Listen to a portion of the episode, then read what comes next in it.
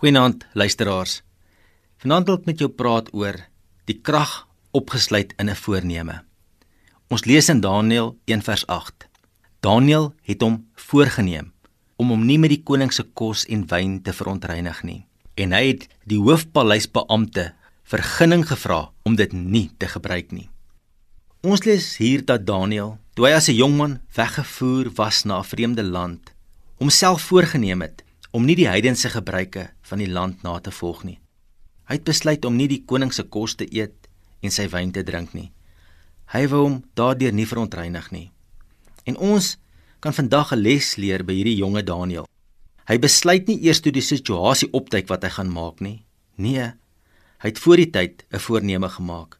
Hy het voor die tyd 'n besluit uitgevoer. Hy wou leef volgens goddelike beginsels. Hy wou hom nie deur die situasie laat lei nie. Om 'n sterk, oorwinnende en 'n gelukkige kind van God te wees, moet ons onsself ook voorneem om sekere dinge te doen en ander nie.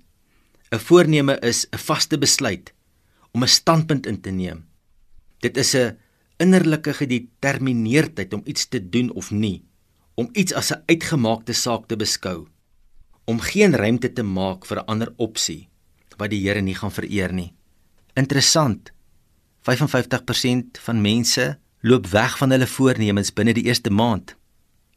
Nog 40% binne 6 maande. En net 5% hou langer as 2 jaar by hulle voornemens. Jou voornemens moet wees om die Here te wil verheerlik in wat jy doen. Ons as navolgers van Jesus moet nooit die krag van voornemens onderskat nie om 'n vaste, daadwerklike en 'n kragtige besluit in sy naam te maak nie. Maak weer vandag jou voorneme om hom lief te hê, om hom te dien en beskikbaar vir hom te wees. Kom ons bid saam. Hemelse Vader, help ons vandag om nie te voorneme te maak om u wil vir ons lewe te soek. Amen.